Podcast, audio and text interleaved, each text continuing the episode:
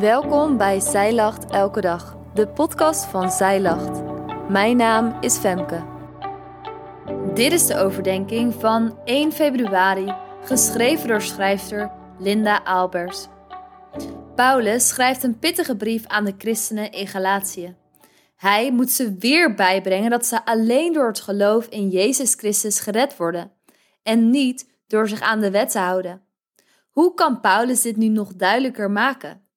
Hij vertelt de gelaten over de twee moeders Sarah en Hagar. Zij staan symbool voor Gods oude en nieuwe verbond met de mensen. Wat kunnen wij hierover leren? In Galaten 4, vers 28 staat: Wij nu, broeders, zijn kinderen van de belofte, net zoals Isaac. Voordat Jezus kwam, waren de mensen gewend dat ze zich aan Gods regels moesten houden om bij Hem te mogen horen. Dit paste bij het oude verbond. Maar geen mens kan Gods liefde verdienen. Wij kunnen ons nooit meten aan Gods volmaaktheid. God wist dit natuurlijk altijd al. In zijn goddelijke plan stond al vast dat hij de mensen zou redden van hun onvolkomenheid. Jezus, Gods zoon, kwam naar de aarde. Hij kon wel leven zoals God dat wilde. Hij heeft in zijn mensheid volbracht wat God van de mensen vroeg. En hij deed dit in onze plaats, zodat wij dat niet meer hoeven te doen. Gods onvoorwaardelijke en oneindige liefde is dus geen beloning, het is een geschenk. En als jij Jezus aanneemt als jouw redder, leef je voor God op die nieuwe manier. Gods geest woont in jouw hart. En dit is het nieuwe verbond tussen God en ons. Nog steeds hebben we wel eens de neiging om te denken dat we Gods liefde kunnen verdienen door ons goed te gedragen. Of dat we denken dat het tegenovergestelde is. Dat we Gods liefde verspild hebben door ons niet goed te gedragen. Herken je dat? Paulus leert de Galaten en ons het verschil tussen het oude en het nieuwe verbond. Het verschil is Jezus die ons vrijmaakt. Van slaven maakt hij ons tot kinderen. In Galaten 4, vers 22 tot 29 vertelt hij over Hagar en Sarah. We lezen in Genesis 16 tot 21 dat Abraham en Sarah lang hebben moeten wachten op een kind.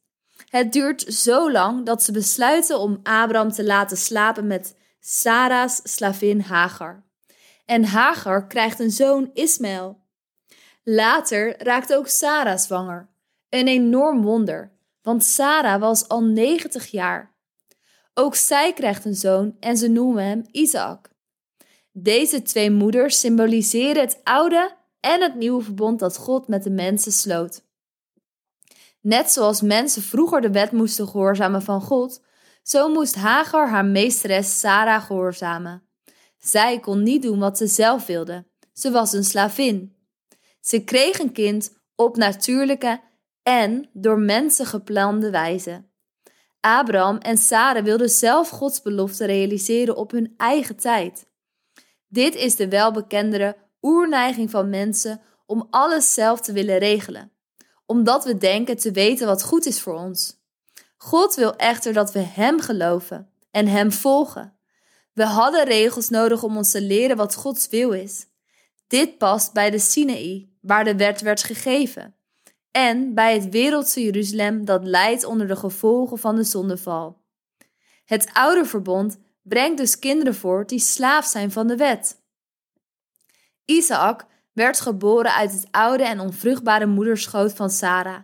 Een groot wonder. Sarah baarde een nieuw leven, geschapen door de geest. Op Gods manier en Gods tijd. Sarah was een vrije vrouw en haar kind was door God zelf beloofd. De kinderen van de belofte zijn vrij. En dit past bij de hemelse Jeruzalem, waar Jezus, die ons het leven geeft, troont aan de rechterhand van de Vader. Sarah kon geen kinderen krijgen, maar kreeg Isaac. Wij konden geen kinderen van God worden door ons aan de wet te houden, maar God heeft het door Jezus toch mogelijk gemaakt. Zie jij de overeenkomsten? Isaac was nieuw leven door een wonder. Wij zijn ook nieuwe levens door een wonder. Een nieuw hart waarin de Heilige Geest woont. Hij is je gids die je de weg wijst achter Jezus aan. Hij volbracht de wet voor jou. In Galaten 5 vers 18 staat: Als u echter door de geest geleid wordt, bent u niet onder de wet. Als jij gelooft in Jezus, hoor jij ook bij Gods familie. Je mag hem jouw vader noemen. En dat is een geweldig nieuws van het nieuwe verbond. Op 14 februari start de 40 dagen tijd.